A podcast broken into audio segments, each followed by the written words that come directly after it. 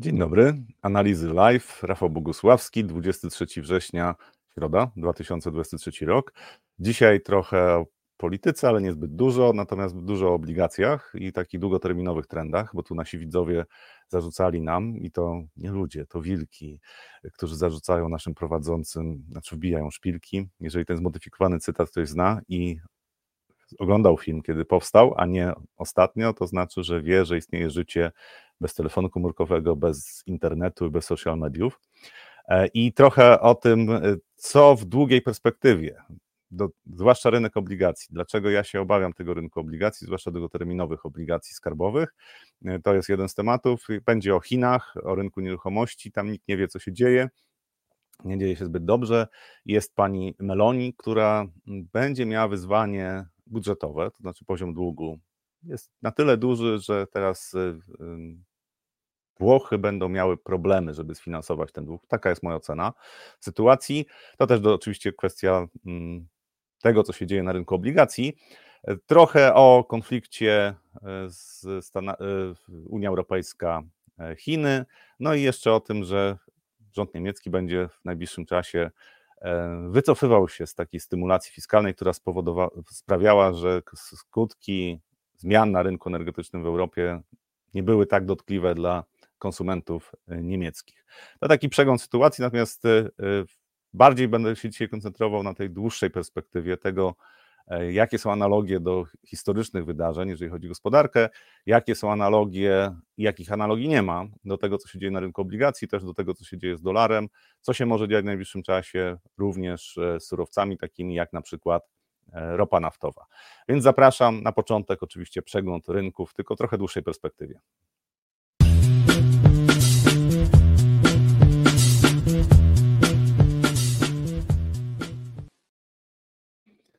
I zacznę od e, przeglądu, znaczy od obrazu, który mamy przed oczami, czyli dziesięcioletnie obligacje amerykańskich rentowności. I to naprawdę jest bardzo długa perspektywa. To jest od lat 50., to jest wykres w skali miesięcznej. E, to, co się działo w latach 80., tak tutaj te rentowności nawet tam dochodziły do 20%. Wcześniej e, też warto o tym pamiętać, że w czasie II wojny światowej Fed obniżył sztucznie rentowności obligacji i tam na kupował obligacje, skupował z rynku, czyli umożliwiał rządowi finansowanie się po rentownościach 3,8%, czyli to była sztuczna całkowicie sytuacja, natomiast no, po II wojnie światowej, po 1947 roku, kiedy Fed z tego się wycofał, no, rynek zaczął się normalizować. Też e, trochę inaczej wtedy wyglądała historia, jeżeli chodzi o długoterminowe obligacje, więc powiedzmy już lata 50. to było bardziej tak podobne do tego, co się działo teraz. A dlaczego to jest istotne? Jak popatrzymy na to, co się dzieje, działo przez prawie 40 lat z rentownościami obligacji amerykańskich, to mieliśmy ten spadkowy. Oczywiście tutaj to było szaleństwo, panika, e, bo większość zakładała, że po prostu no, inflacja nie, nie będzie zdławiona, że Volcker, ówczesny szef rezerwy federalnej, nie da, nie da rady. E, natomiast no, panika minęła, inflacja została opanowana i potem byliśmy w trendzie spadkowym, czy rentowności obligacji amerykańskich spadały prawie przez 40 lat i tutaj była kulminacja, jeżeli patrzymy na rentowności, tak, no w Europie był wtedy rekordowy poziom obligacji, rekordowa wielkość obligacji, które były z, ujemnymi, z ujemnymi rentownościami, w Stanach nigdy do takiej sytuacji nie doszło, ale tutaj było jakby e, kulminacja tego, e, że e, większość uważała, że w ogóle rentowności obligacji no, nie mogą wzrosnąć znacząco, bo banki centralne na to nie pozwolą. Inflacja spowodowała, że rentowności obligacji zaczęły rosnąć. To według mnie jest punkt zwrotny. Ja zakładałem, że te, ta zmiana odbędzie się trochę spokojniej, ale teraz już widać, że nie będzie ta zmiana spokojna. Ale e, patrząc na to, co się tutaj wydarzyło, ja zakładam, że największe problemy w perspektywie długoterminowej, czyli nie najbliższego pół roku, zaraz powiem o tym, czego się tutaj spodziewam, i, i jaki jest według mnie najbardziej prawdopodobny scenariusz. Natomiast w perspektywie pięcio czy nawet dziesięcioletniej, mm, to nie będzie dobry czas dla długoterminowych obligacji. I zaraz wyjaśnię o co chodzi. Wracamy do lat 50. w Stanach Zjednoczonych. Tak, te rentowności tutaj sobie rosły. Rosły również w latach 60. i tutaj zaczęła się polityce międzynarodowej pewne, pewne wydarzenie, które bardzo mocno wpłynęło na to, co się działo w Stanach Zjednoczonych i z gospodarką, i z dolarem, ze stopami procentowymi, ale również z inflacją. Tu jest e, wojna w Wietnamie. Tak? Do 1964 roku Stany były zaangażowane, ale w ograniczony sposób. W 1964 roku, w 64 roku w sierpniu została, y, kongres zatwierdził zwiększenie zaangażowania w Wietnamie. No i Stany Zjednoczone były bardzo mocno y, zaangażowane w tą wojnę do 1969 roku, kiedy stwierdziły, że nie są w stanie dalej utrzymać takiej intensywności działań, znaczy nie są w stanie tego finansować z różnych powodów. E, I 69 rok zaczęli się wycofywać z Wietnamu. Co ciekawe, wtedy rentowności obligacji spadły. 73 rok, czyli e, szok naftowy, e, to co większość zakłada, że to były problemy, które wywołały wzrost rentowności obligacji, bo był wzrost inflacji, to warto zwrócić uwagę na to, że to oczywiście wzrost rentowności był, tutaj jest 73 rok do 75, ale potem rentowności spadły. Kolejny szok naftowy, ale to już była inna sytuacja, bo to gospodarka amerykańska e, rozpędzała się, znaczy inflacja rozpędzała się z wielu powodów, między innymi z tego, że e, struktura gospodarki wyglądała w taki sposób, że te przenoszenie kosztów w poszczególnych obszarach gospodarki było możliwe. I jakie z tego wnioski? Jeżeli popatrzymy teraz e, na to, co się działo wówczas, to ten wzrost rentowności nie następował tak liniowo i po prostu od razu była panika. Były cofnięcia. Znaczy tutaj rentowności, zanim wzrosły do tych kilkunastu procent, tam nawet były rentowności po 20% obligacji, to jest miesięczny miesięczny wykres to nie, nie uchwycił tak pełnej skali tego, jaka, jaki tu był poziom paniki. Volker podniósł stopy procentowe do 14%. Tutaj też większość zakładała, że to jest niemożliwe, że taki wzrost rentowności nastąpi. E, natomiast warto przypomnieć, że w 1973 roku Stany odeszły od standardu złota i to była y, konsekwencja wojny w Wietnamie, to znaczy poziom zadłużenia, ilość pieniądza, które zostały wpompowane y, ile Stany Zjednoczone, ile rząd amerykański musiał wydać, spowodowały, że utrzymanie parytetu złota było niemożliwe. I teraz gdzie jesteśmy? Jeżeli popatrzymy na to, co się wydarzyło tutaj, to mamy ten trend tak, długoterminowy spadkowy, on został przełamany. I teraz bardzo prawdopodobny scenariusz według mnie jest taki, że w związku z tym, że y, takie wydarzenia, które których się spodziewam, one nigdy nie są liniowe, to w najbliższym czasie może być tak, że my dojdziemy do tego poziomu rentowności 4,75%, 4,70-4,90%. Ja zakładam, że ten, ten, ten poziom rentowności jest możliwy. Natomiast nie sądzę, żeby mm, na tych obligacjach, przepraszam, tutaj nie mogę uchwycić, żeby na tych obligacjach to cofnięcie tak, było bardzo silne. Być może ono potrwa rok, dwa, 3, być może będzie głębsze, być może zejdziemy do 3%, być może nawet poniżej 3% przejściowo, ale następny krok według mnie będzie taki, że te rentowności obligacji pójdą wyżej. Czy pójdą do 7%, czy do 10%, nie wiem. To zależy od tego, co się będzie działo w gospodarce światowej. Natomiast jaki jest z tego wniosek? Dla mnie największym problemem w tej chwili, największym zagrożeniem dla gospodarki wcale nie jest rynek akcji, wcale nie jest sektor prywatny, tylko rządy. I poziom zadłużenia ale przede wszystkim to, że zaczęła się zmieniać optyka długu rządowego.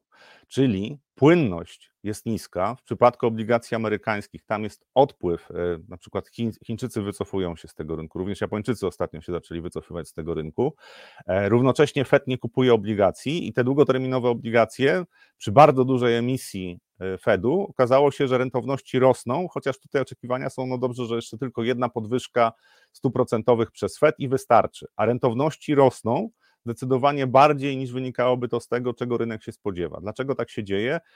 E, warto pamiętać o tym, że banki centralne kontrolują początek krzywej rentowności, czyli obligacje powiedzmy do dwóch lat. I te rentowności podążają stopami procentowymi. Jeżeli patrzymy na długoterminowe obligacje, to e, tutaj wchodzą w grę inne czynniki, przede wszystkim oczekiwania inflacji, również oczekiwany poziom emisji długu, czyli jak duża będzie podaż, ewentualnie jak będzie duży popyt, ale takie czynniki związane z płynnością, czyli kwestie płynnościowe. I to jest największy problem w najbliższym czasie, według mnie, bo kryzys płynnościowy, czyli brak wystarczającej płynności na tym rynku, to, wynika też z braku popytu, według mnie jest najbardziej prawdopodobnym scenariuszem nie na najbliższe miesiące, ale powiedzmy na najbliższe 2, 3, 4 lata. Nie sądzę, żeby rząd amerykański chciał zrównoważyć budżet. W tej chwili mamy deficyt na poziomie 5% fiskalny i prawdopodobnie przyszły rok też będzie w okolicach 4-5%. Emisja długu będzie gigantyczna, czy obligacji. Już w ostatnim czasie są problemy, żeby uplasować e, te długoterminowe obligacje, to znaczy tam popyt jest, no jest, ale Na razie nie jest y, jeszcze źle, ale to się według mnie będzie rozwijało. To znaczy, jak inwestorzy zorientują się, że tutaj na tym nie da się, na tych 10-letnich obligacjach, 30-letnich obligacjach, nie da się zarobić w dłuższej perspektywie, to nie będą ich kupować. Będą kupowali krótkoterminowe, które mają wyższe rentowności. Tak? 5%, 5% e, zamiast 4,50 albo 5,50 zamiast 4,50 krótkoterminowe papiery będą miały popyt, te nie będą miały popytu. I w pewnym momencie tu się zacznie problem. Takie firmy jak na przykład BlackRock, BlackRock czyli giganty inwestycyjne, wcale ich nie martwią tak bardzo zawirowania na rynkach akcyjnych, bo to przychodzi, odchodzi, tak, to jest inny segment rynku. Natomiast jeżeli będzie problem płynnościowy na rynku obligacji, to te firmy będą miały problemy, to znaczy one są za duże, żeby upłynnić portfel. Jeżeli zacznie się wycofywanie kapitału z tego rynku, to będzie problem. I teraz znowu podkreślam, to jest perspektywa długoterminowa, tak jak powiedziałem, dzisiaj trochę bardziej na tej długoterminowej perspektywie się skoncentruję i ja uważam, że największym zagrożeniem na najbliższe 5 lat, może 7, e, jest rynek długu przy tym, co zrobiły rządy w ostatnich latach, y, nawet nie w ostatnich latach, tak, poziom zadłużania w tym stuleciu przez rząd federalny amerykański to jest coś, co jest czystą abstrakcją. E, wiele krajów europejskich podobnie, oczywiście pretekstem był wielki kryzys finansowy, natomiast skutki są w tej chwili, znaczy odczujemy to, co rządy robiły przez wiele lat. Dlaczego? Zaraz, zaraz o tym powiem, natomiast y, y, zwrócę uwagę na chwilę o obligacjach, o obligacjach y, mm, włoskich, o kosztach obsługi długu. Oni mają 140 parę procent y, długu rządowego do PKB. Jeżeli, przyjmijmy, że 150, łatwiej się będzie liczyło. Jeżeli koszt obsługi tego długu wynosi 1%, czyli powiedzmy emitowane obligacje, wyemitowane, to mają te kupony czy rentowności tak na poziomie 1%, procenta, to koszt roczny obsługi takiego długu to jest 1,5%. Jeżeli ten koszt wzrośnie do 2%, to jest 3% do PKB, tak? czyli 3% kosztu obsługi do PKB. Jeżeli tak jak teraz rentowności obligacji przekraczają 4%, to za chwilę ten koszt obsługi długu to będzie 4% razy pół, półtora, tak, bo 150% długu do, do, do PKB, czyli 6% PKB to będzie tylko koszt obsługi długu. Pani Meloni, o tym za drugiej części powiem, bo ona ma przed sobą bardzo duży dylemat, jak pogodzić swoje obietnice e, wyborcze, jak obniżać podatki, równocześnie poradzić sobie z tym, że koszty obsługi długu e, we Włoszech rosną. Podobnie w Stanach Zjednoczonych. Na razie w Stanach Zjednoczonych to jest jeszcze poniżej 3%, natomiast za chwilę okaże się, że koszty obsługi długu są poważnym problemem. Znaczy, żeby sfinansować e, dług, po takich kosztach, no to rządy będą zmuszone, żeby emitować jeszcze więcej obligacji. Bardzo trudno będzie zrównoważyć budżety w najbliższym czasie. To jest bardzo poważny problem według mnie, tylko podkreślam, to, to nie zmaterializuje się teraz, w najbliższym czasie. W najbliższym czasie to się spodziewam być może nawet przez dwa lata, a być może trochę krócej, tak? że inflacja trochę się uspokoi i dopiero potem będzie kolejny ruch wzrostowy, być może 2025, a być może inflacja się nie uspokoi ze względu na to, że demokraci w Stanach Zjednoczonych będą chcieli cały czas wspierać gospodarkę e, i będzie duży deficyt fiskalny, a równocześnie będą rosły ceny ropy naftowej. O ropie za chwilę. E, co, na co bym zwracał uwagę, jeżeli popatrzymy na e, takie firmy właśnie, jak to jest BlackRock, to jest notowania BlackRocka na amerykańskiej giełdzie, w 2021 szczyt, w tej chwili już nie pokonali tego szczytu, w tej chwili jest trend spadkowy, to jest wykres tygodniowy, jeżeli dobrze patrzę. Natomiast chodzi o to, że według mnie rynek zacznie dyskontować to, że naprawdę to nie chodzi o rynek akcji, tylko chodzi o rynek długu. I duże firmy inwestycyjne, asset managerowie dużo bardziej e, są narażeni na ryzyka związane z rynkiem długu, zwłaszcza skarbowego, bo on jest traktowany jako to coś, co e, pozwala funkcjonować, unikać ryzyka. Tak? Dług skarbowy jest traktowany jako praktycznie mm, papiery bez ryzyka, może się okazać, że jest inaczej. Jakie są sygnały, które mogą pokazać, że jest pewien problem? To jest E, spread pomiędzy obligacjami high yieldowymi, czyli wysokodochodowymi, obligacjami e, skarbowymi w Stanach Zjednoczonych i on jest na niskim poziomie. Tak? To e, niecałe 4% to jest bardzo nisko. Oczywiście były okresy, kiedy było niżej. I ja to traktowałem jako jako pewne zagrożenie, to znaczy, że rynki nie wyceniają tego, że może być recesja w Stanach Zjednoczonych i pogorszenie sentymentu do tych high yieldowych e, spółek, czyli krótko mówiąc, więcej defaultu będzie, upadłości, niewypłacalności, że to powinno zacząć rosnąć. No i trochę to zaczęło w ostatnim czasie rosnąć. Natomiast to jest taki segment rynku, który warto obserwować, on jest bardziej spekulacyjny. Natomiast ja bym zwrócił uwagę na spread pomiędzy obligacjami o wysokim ratingu AA, tak, to 3A to jest najwyższy, a A to są investment grade, czyli takie y, firmy, które mają naprawdę wysoki rating inwestycyjny, mają sporo gotówki najczęściej i mają, e, po prostu finansują się długiem, bo jest tańszy. I te firmy y, w tej chwili są postrzegane jako bardzo atrakcyjna inwestycja i w ostatnim czasie ten spread pomiędzy obligacjami skarbowymi i, te, i, i takimi, y, czy inaczej, pomiędzy tymi obligacjami korporacyjnymi i obligacjami skarbowymi spada. E, I według mnie w przypadku tych najlepszych firm to dług w pewnym momencie może być tańszy, czy emisja długu może być tańsza niż w przypadku obligacji skarbowych. Biorąc pod uwagę to, jak funkcjonują te firmy, E, jakie mają poduszki, e, jeżeli chodzi o ilość kapitału i jak funkcjonuje rząd amerykański. Jeszcze rok, dwa lata takich wydatków, które Stany Zjednoczone sobie e, aplikują, jeżeli chodzi o rząd, i okaże się, że no, będzie poważny problem z długiem amerykańskim. Znaczy, przestanie być postrzegany tak, jak jest w tej chwili postrzegany, że to jest inwestycja bez ryzyka. I tutaj komentarz, dzień dobry, dlaczego duże rentowności obligacji to źle? Myślałem, że można wtedy więcej zarobić. To jest pytanie, co powoduje te większe rentowności obligacji, bo jeżeli pojawi się panika, znaczy większość będzie przekonana, że rentowności pójdą jeszcze, jeszcze wyżej, to firmy inwestujące w takie obligacje, czy w ogóle inwestorzy poniosą straty.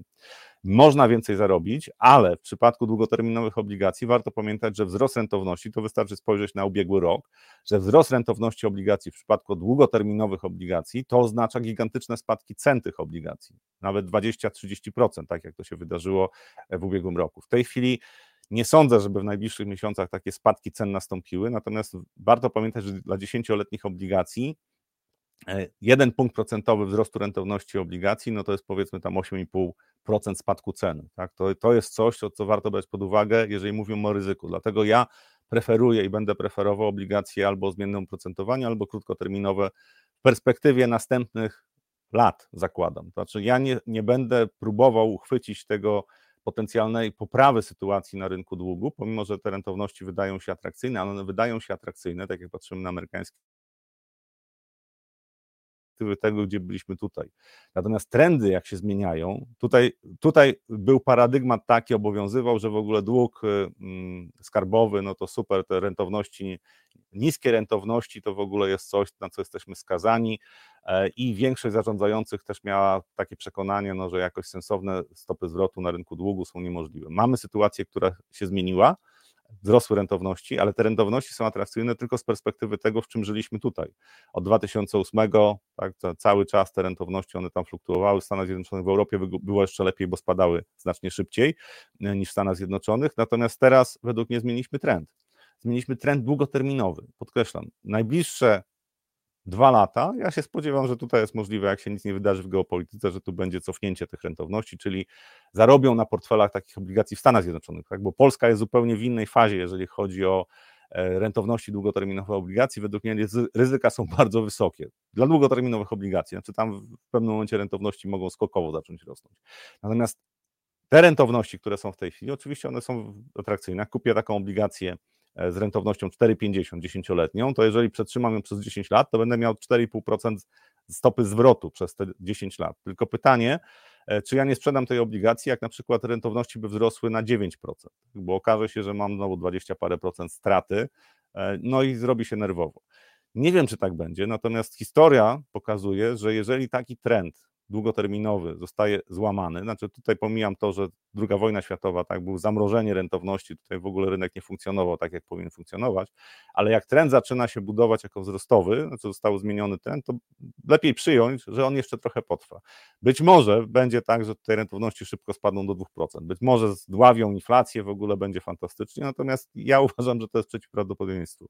To nie oznacza końca świata, to oznacza, że będzie wcześniej czy później ucieczka do kapitałów, e, e, do e, sektora prywatnego, czyli pieniądze popłyną do sektora prywatnego. I teraz, jak patrzymy, to Dow Jones industrialny, czyli ten najpopularniejszy wskaźnik Dow Jonesa, jak popatrzymy w odpowiedniej perspektywie, czyli to jest ponad 100 lat, to jest skala logarytmiczna, czyli pokazujemy zmiany procentowe, pokazuje zmiany procentowe, no to ten trend wzrostowy, nawet to załamanie tutaj, które nastąpiło w latach 30., no to z tej perspektywy, no okej, okay, no było załamanie. No, tylko warto pamiętać, że tutaj było e, ponad 20 lat. Znaczy, zanim ten szczyt został osiągnięty, to minęło 20 lat. Oczywiście tu jeszcze była druga wojna światowa po drodze. Natomiast y, gdzie jesteśmy? Jesteśmy w trendzie wzrostowym silnym. Na razie to, co się wydarzyło na rynkach, no to w zasadzie no, nie jest nic wielkiego i, i e, patrząc na historię, nawet na lata 60., 70., to być może ten Dow Jones po prostu będzie miał też w najbliższym czasie trend boczny. To też wynika z tego, że akcje amerykańskie są dość wysoko wycenione. Natomiast na razie patrząc na, na to, co się tutaj dzieje, to ja bym mówił, no ok, nawet jeżeli korekta się pogłębi, są dwa scenariusze według mnie prawdopodobne. Albo kończymy korektę w październiku, co by oznaczało, że już za chwilę być może w tym tygodniu, być może w przyszłym tygodniu powinny rynki amerykańskie mówię o Stanach w tej chwili, powinny, powinny zacząć lekko rosnąć, potem jeszcze jedna fala spadkowa i, e, i powiedzmy listopad, grudzień wzrosty. Drugi scenariusz jest taki, że spadamy do stycznia. Nie sądzę, żebyśmy zaczynali wielką bessę tutaj, e, nawet biorąc poprawkę na to, że w Stanach Zjednoczonych tam gospodarka trochę osłabnie, to bardziej w tej chwili to jest według mnie wyniki, wynik e, tego, co się wydarzyło w psychologii rynku, czyli było zbyt wielu optymistów w lipcu, no i zostali w tej chwili ukarani. Warto patrzeć długoterminowo, natomiast warto pamiętać o tym, że po tych wzrostach, które tutaj były, może być tak, że w pewnym momencie będzie dekada, która będzie dość wysokiej inflacji i też nie będzie napływu kapitału do rynku amerykańskiego, tylko że na razie to wydaje mi się, że rynek amerykański akcyjny też nie ma specjalnie konkurencji. Jest znacznie, gospodarka jest znacznie silniejsza niż gospodarka europejska czy gospodarki azjatyckie. Przechodząc do naszego rynku, WIG20, y, niebieska linia, wykres świecowy i żółta linia to jest SP500. Ja nałożyłem te dwa wykresy, żeby pokazać, jak e, polski rynek ma większą zmienność, czyli mamy takie okresy, to jest 2022 do października, tutaj spadki były dużo większe niż SP500, ale tutaj z kolei wzrosty były dużo większe. Tak jak przesuniemy, przesuniemy od tego momentu, to okazuje się, że, że nasz rynek, e, że nasz rynek zdecydowanie lepiej się zachowywał. I teraz zwróciłbym uwagę na to, co się dzieje od pewnego czasu, czyli od e, lipca tak naprawdę. Rynek amerykański e, spadł tam o kilka procent, natomiast nasz rynek spadł już ponad 12% od szczytu, tak, czy tutaj troszeczkę więcej. E, I to jest taki zakres korekty, który w zasadzie dla naszego rynku wystarczy. No, częściej jest powyżej 15%. Natomiast rynek amerykański e, spada zazwyczaj nieco mniej niż rynki europejskie, zdecydowanie mniej niż polski rynek. E, jeżeli to, co, się, co obserwuję tutaj od kilku dni na polskim indeksie, na WIG-20, jeżeli popatrzę na, na, na to, co się tutaj dzieje, e, to widać, że te spadki, znaczy tu mamy silny trend spadkowy, a tutaj mamy uspokojenie tendencji. Oczywiście tam są preteksty do tego, żeby rynek się podnosił, upadał, natomiast bardziej interesuje mnie to, że już nie ma takiego dynamicznego spadku. Ponieważ nasz rynek jest płytszy, e, to on może wcześniej e, osiągnąć minima. Podkreślam, to nie, jest, to nie jest tak, że ja mówię, że tak będzie. To jest pewne założenie, to co w tej chwili obserwuję na naszym rynku. Jeżeli te spadki zostaną pogłębione w najbliższym czasie, no to cały scenariusz y, zahamowania E, tendencji spadkowej na naszym rynku w październiku, czy we wrześniu, w październiku i powrotu do wzrostów, no będzie narażony na, na e, niezrealizowanie się, czyli krótko mówiąc, wtedy możemy dopiero w grudniu gdzieś jakieś minima złapać na niższych poziomach. Natomiast ja pozostaję w tej chwili optymistą i na razie obserwuję, co się dzieje w Polsce i co się dzieje w Stanach Zjednoczonych, bo tutaj zakres korekty w Stanach Zjednoczonych, on nie jest jakoś przerażający. To znaczy, na razie oczywiście patrząc na to, jak wygląda wykres krótkoterminowo, to, to on wygląda źle. Znaczy tutaj no, rynek najczęściej potrzebuje, jeżeli nawet nastąpi zwrot, to potrzebuje trochę czasu, żeby tutaj jednak e, silniejsze ręce, taki kapitał długoterminowy, żeby uchwycił to, co się dzieje, żeby uchwycił akcje i, i ograniczył dalsze spadki. Tu było bardzo dużo e, optymistów, rynek się skorygował. Na razie jest e, według mnie taka formacja typowa korekta. Tu jest początek, pierwsza fala spadkowa, fala wzrostowa korekcyjna w tym ruchu, fala spadkowa. Według mnie bardzo istotny poziom, i to myślę, że bardzo wiele e, automatów jest ustawione na tych poziomach, to jest 4200. E, tam z odchyleniem jeszcze 30 punktów. Jeżeli rynek by spadł poniżej tych poziomów, czyli tutaj nie ma w najbliższych dniach próby wyhamowania, nie ma odbicia, ja uważam, że jest szansa na to, że przyszły tydzień zwłaszcza będzie odreagowanie. Jeżeli e, nie ma, nie ma odbicia, no to wtedy niestety to 3800 to jest mniej więcej ten poziom, do którego możemy schodzić. Jeżeli rynek by pokonał 3,5 tysiąca, no to to jest źle. Naprawdę to wtedy ma, ja się myliłem i, i, jesteśmy w besie. Ja zakładam, że ten scenariusz jest w tej chwili mało prawdopodobny. Uważam, że jesteśmy w korekcie, która może być rozbudowana w czasie. E, I e, liczę na to, że październik to będzie miesiącem przełomu, to znaczy, że tutaj rynek się pozbiera i wróci do trendu wzrostowego, ale to jest moje założenie, podkreślam, to są hipotezy i to jest założenie, które e, obowiązuje w krótszym terminie. W dłuższym terminie ja nadal uważam, że akcje amerykańskie będą tym miejscem, w którym kapitał będzie zaparkowany, czyli będą kupowane spółki, zwłaszcza te, które mają dobrą sytuację finansową i nawet jakby pojawiła się recesja w Stanach, to ta sytuacja finansowa się mocno nie pogorszy, czyli spółki z Dow Jonesa chociażby, one będą kupowane. Spółki z SP500 według mnie też, chociaż niektóre z tych dużych y, big techów, jak na przykład Tesla, może mieć problemy, o tym za chwilę. Y, jakie są ryzyka? Ryzyka są takie, że y, jak popatrzymy na DAX-a, to popatrzymy na DAX-a, to też wykres dzienny, Tutaj długi okres konsolidacji i ostatnio wybicie z tej konsolidacji, jak tutaj narysuję taki poziom, na którym ten rynek był utrzymywany, to mamy wybicie w dół.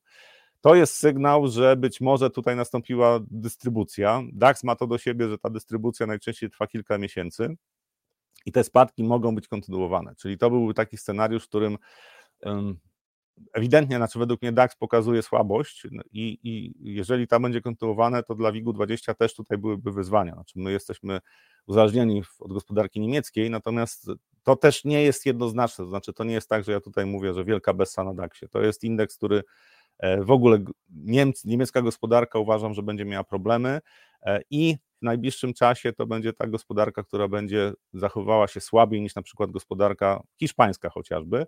Jak popatrzymy na IBEX, na indeks y, IBEX, no to na razie tutaj są spadki, ale to jesteśmy cały czas w takim trendzie bocznym, tu się niewiele dzieje. Oczywiście pogłębienie tego jest możliwe, natomiast na razie patrząc na rynek europejski, to w zasadzie no DAX wygląda słabo, natomiast reszta rynków nie wygląda aż tak źle. To jest coś, co warto brać pod uwagę, kiedy y, mówimy o, o, w tej chwili o sytuacji na rynkach akcyjnych, że to, co widzimy w Stanach Zjednoczonych, w Polsce, w y, Europie, no to są raczej ruchy korekcyjne. E, I ja osobiście zakładam, że październik będzie miesiącem przełomu, czyli wrócimy do trendów wzrostowych, listopad i grudzień będzie dobry, ale to jest moja hipoteza. W dłuższym terminie ja preferuję akcje i y, y, obligacje krótkoterminowe albo zmiany w procentowaniu, bo to, co pokazane na początku, będzie miało bardzo duży wpływ na sytuację E, na świecie, jeżeli chodzi o inwestowanie, czyli zmiana postrzegania długoterminowych obligacji, nie tylko amerykańskich, polskie też będzie problem, włoskie też będzie problem i tutaj rentowności włoskich obligacji, proszę bardzo, e, dziesięcioletnie obligacje rosną 4,73, jesteśmy według mnie tutaj w przypadku włoskich obligacji to będzie bardzo duże wyzwanie. To znaczy tutaj te rentowności mogą rosnąć. E, jeżeli bank, Europejski Bank Centralny zacznie kupować tych obligacji, to przy tym, co pani Meloni proponuje, i przy tym mm, utracie wiarygodności, y, którą spowodowała, no to tutaj będzie się działo dość dużo. Zaraz o tym trochę więcej, jeszcze tylko chcę powiedzieć o jednym rynku, czyli o ropie naftowej.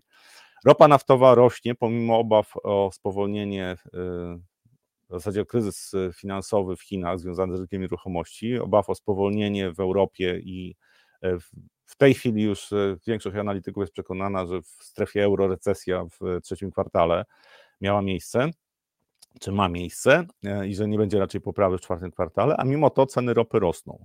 E, I patrząc technicznie na ten rynek, to tutaj to, co się dzieje w ostatnich dniach, to bardziej wygląda mi na to konsolidację przed kolejnym ruchem wzrostowym, niż budowanie jakiejś formacji, tak, y, która spowoduje odwrócenie trendu i wrócimy z cenami poniżej 80 dolarów. Takie poziomy, które są istotne dla ropy w najbliższym czasie, to jest 94, mniej więcej 97 dolarów. Ja zakładam, że tutaj te wzrosty, jeżeli wyhamują, to rynek może spokojnie zacząć wracać do trendu spadkowego. Natomiast jeżeli rynek, pomimo informacji niepokojących z Chin, z Europy, rośnie, to oznacza, że prawdopodobnie czegoś nie wiem. To znaczy, y, pomijam OPEC, tak, które ograniczyło wydobycie, ale y, wydaje mi się, że tam jest jeszcze coś, znaczy jest jakiś element popytu, o, którego, o którym ja nie wiem. Być może Stany odbudowują rezerwy, chociaż powinni o tym poinformować, strategiczne. Być może jest ktoś, kto kupuje tej ropy więcej, a być może jest zaburzona podaż, to znaczy jest znacznie mniejsza podaż niż oficjalnie jest podawana.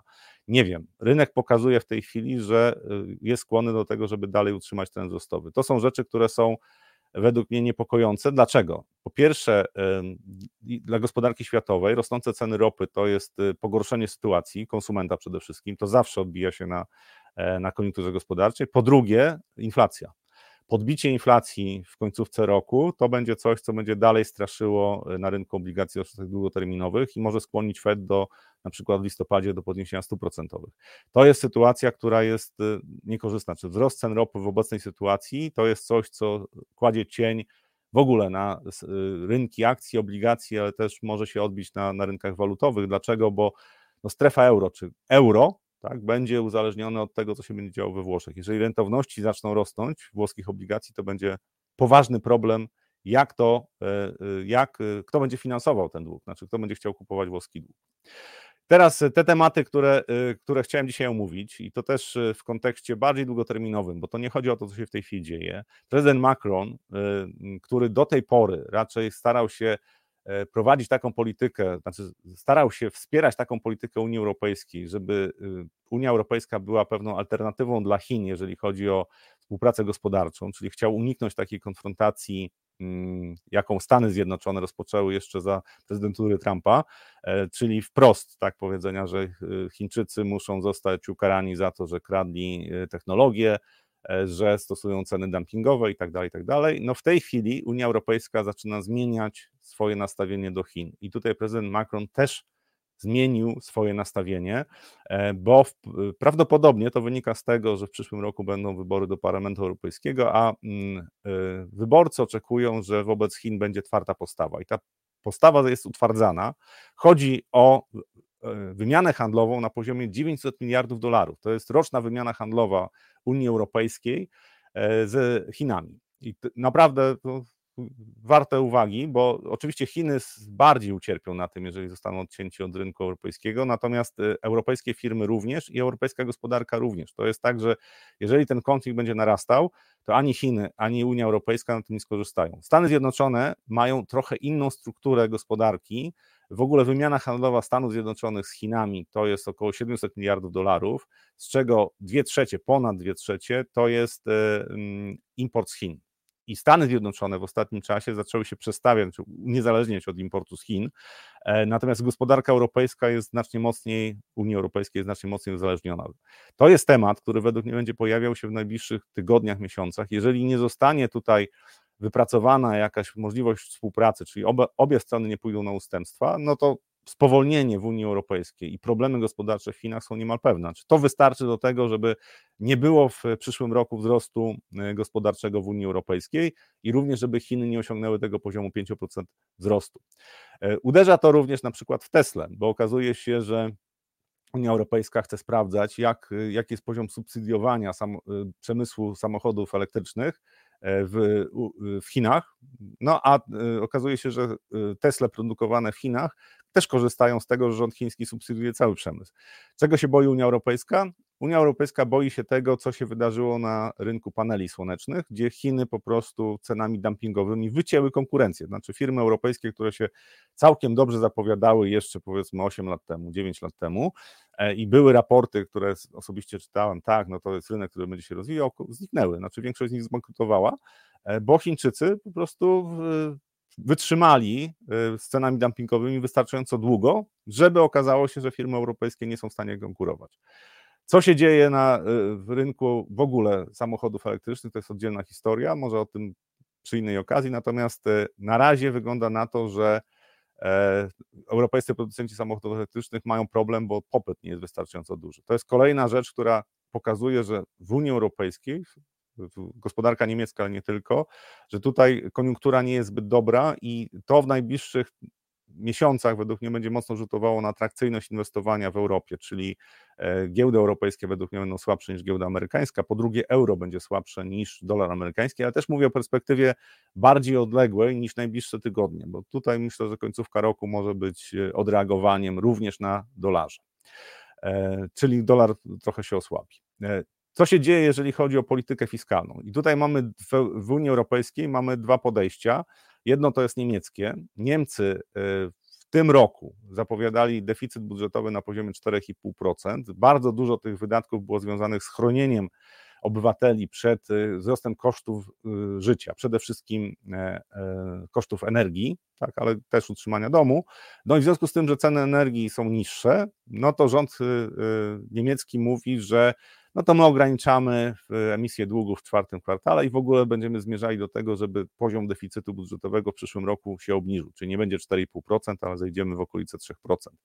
E, I to jest podejście, które stosuje rząd niemiecki. Dlatego e, przy 60% długu, 60% długu do PKB rządowym, to ta, e, ta gospodarka, czy ten czy ten dług jest na razie jest całkiem bezpieczny, pomimo problemów gospodarczych Chin. Natomiast po drugiej stronie jest pani Meloni, czyli Włochy, e, i tam e, w tym roku deficyt miał być 4,5%, prawdopodobnie deficyt fiskalny, natomiast będzie prawdopodobnie 5,5%. Pani Meloni wykonała kilka ruchów, jak na przykład próby wprowadzenia podatku e, bankowego, z którego w zasadzie się wycofali, znaczy rząd włoski się wycofał, bo reakcja rynków przeraziła, bo tam miały być dochody, miały być 10 miliardów euro, w tej chwili no może będzie miliard, natomiast mleko się rozlało, to znaczy wiarygodność e, włoskiego rządu z punktu widzenia inwestorów została zachwiana.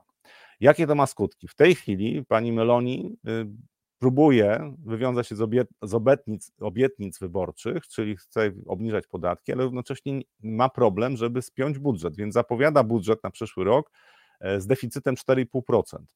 Reakcja e, obligacji, no to oczywiście tutaj w Stanach Zjednoczonych ten wzrost rentowności przekłada się na wzrost rentowności większości krajów, natomiast jakbym obserwował, co tu się będzie działo w najbliższym czasie, bo akurat włoski dług jest narażony na to, że w pewnym momencie może zabraknąć popytu. Jeżeli Europejski Bank Centralny nie zacznie skupować włoskich obligacji, to pytanie, kto je będzie kupował. Te obietnice, które y, pani Meloni przedstawia i równocześnie to, że będzie szukała dochodów, prawdopodobnie też na, wśród firm, znaczy biznes będzie musiał sfinansować te populistyczne hasła, którymi szli do wyborów, e, to jest coś, co stanowi duże zagrożenie. Włoski dług, według mnie, to jest ten dług, który w Europie będzie jako pierwszy wystawiony na turbulencji. Jeżeli mój scenariusz taki ten długoterminowy, to nie chodzi o to, że to się wydarzy w tym miesiącu, że to się wydarzy nawet w przyszłym roku. Ja zakładam, że to się wydarzy w perspektywie dwóch, trzech lat, kiedy okaże się, że przy deficycie 140% e, przy skumulowanym długu, tak, 140 e, kilka procent do, do, do PKB, e, to bez restrukturyzacji tego długu, czyli krótko mówiąc strzyżenia owiec, czyli zgody tych, którzy kupili te obligacje na to, żeby stracili na przykład 30% kapitału, Włochy nie będą w stanie udźwignąć spłaty z odsetek. I to jest perspektywa według mnie dwóch, trzech, bardziej czterech lat, kiedy to się wydarzy. Znaczy po prostu zacznie, zaczną o tym rozmawiać politycy, że z takim poziomem długu nie da się funkcjonować. Podobna sytuacja była w Grecji i, i nadal jest w Grecji, tak Grecy też będą mieli swoje problemy. To jest coś, co będzie mocno wpływało na to, co się będzie działo w Europie. Tutaj te zawirowania, jeżeli chodzi o włoski dług, według mnie będą dość istotną częścią układanki, co nie oznacza, że to jest e, scenariusz Armagedonu. Nie, to jest problem przede wszystkim wiarygodności rządów, która będzie miała bardzo duże znaczenie i te rządy, które prowadzą taką restrykcyjną politykę fiskalną, dość restrykcyjną, jak na przykład niemiecki, one będą premiowane, to znaczy te te rządy i te kraje, które prowadzą taką politykę, to też będzie widać po kursie walut. Oczywiście Niemcy są w strefie euro, więc oni będą stabilizowały, Niemcy będą stabilizowały napływ kapitału do strefy euro, ten napływ powinien jednak być, natomiast takie kraje właśnie jak Włochy będą miały większe problemy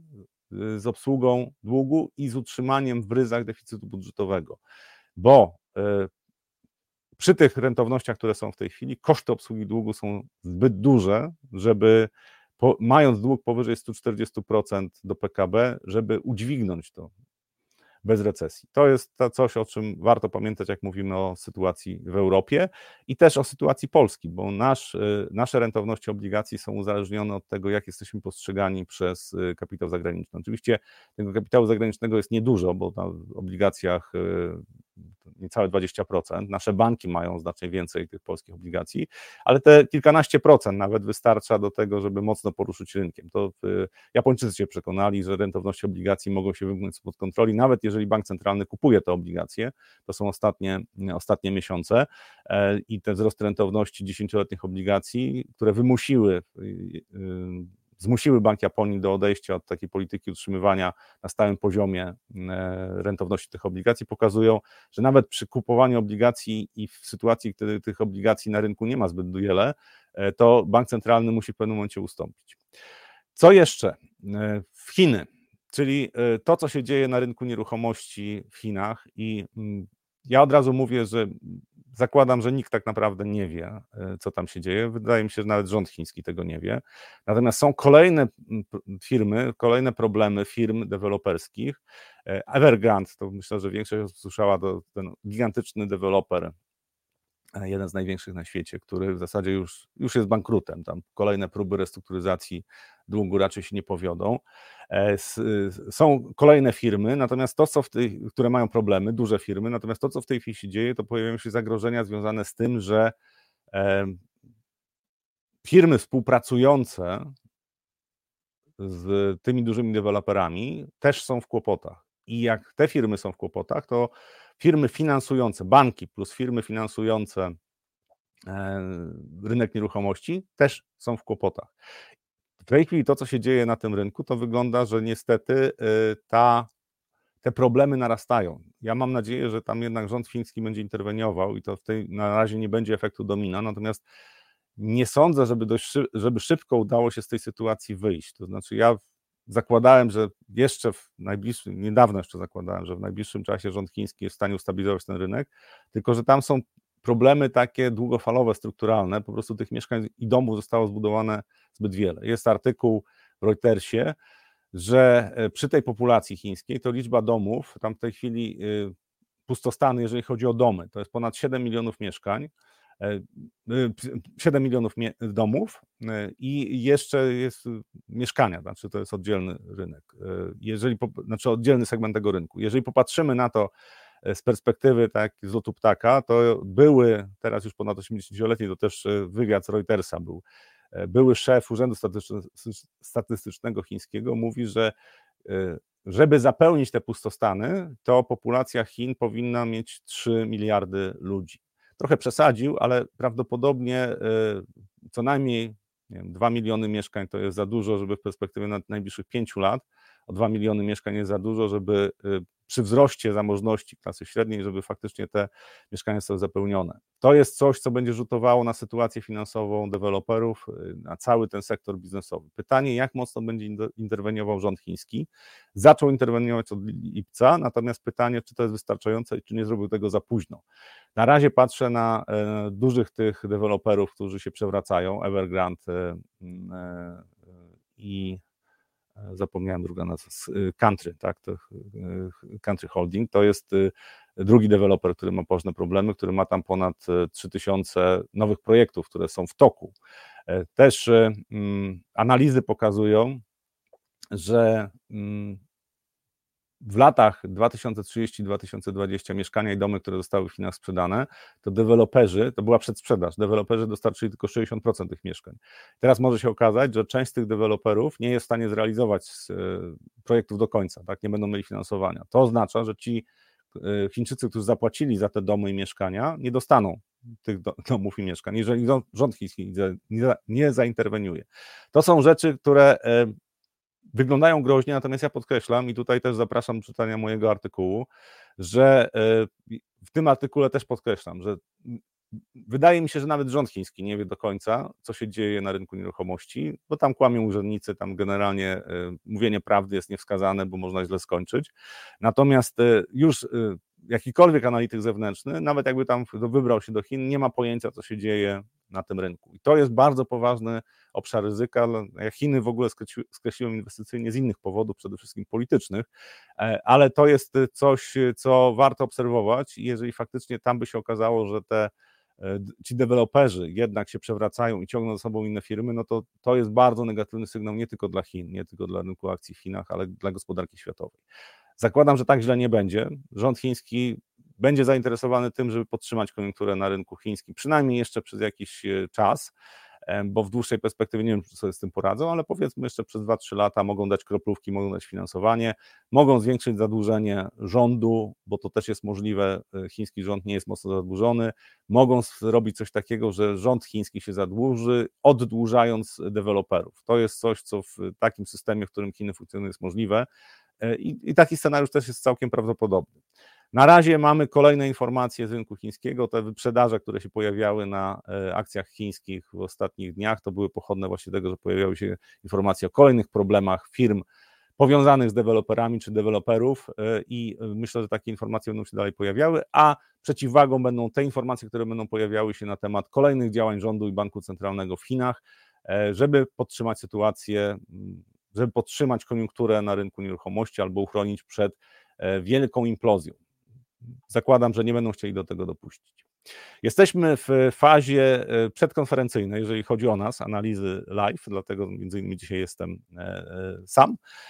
I Fan Forum 3 października już e, tych, ci, którzy kupili bilety, to wszystkich zapraszam. Natomiast my, w związku z tym, że jesteśmy przed fanforum, no to pojawiamy się w trochę mniej regularny sposób niż, niż wcześniej. Więc proszę o obserwowanie naszej strony. Będą powiadomienia, kiedy się pojawimy. Przed naszym fanforum na pewno się e, pojawimy. E, I zapraszam do obserwowania, zapraszam do subskrypcji i zapraszam na kolejne spotkanie. Tak jak powiedziałem, informacje pojawią się na naszej stronie.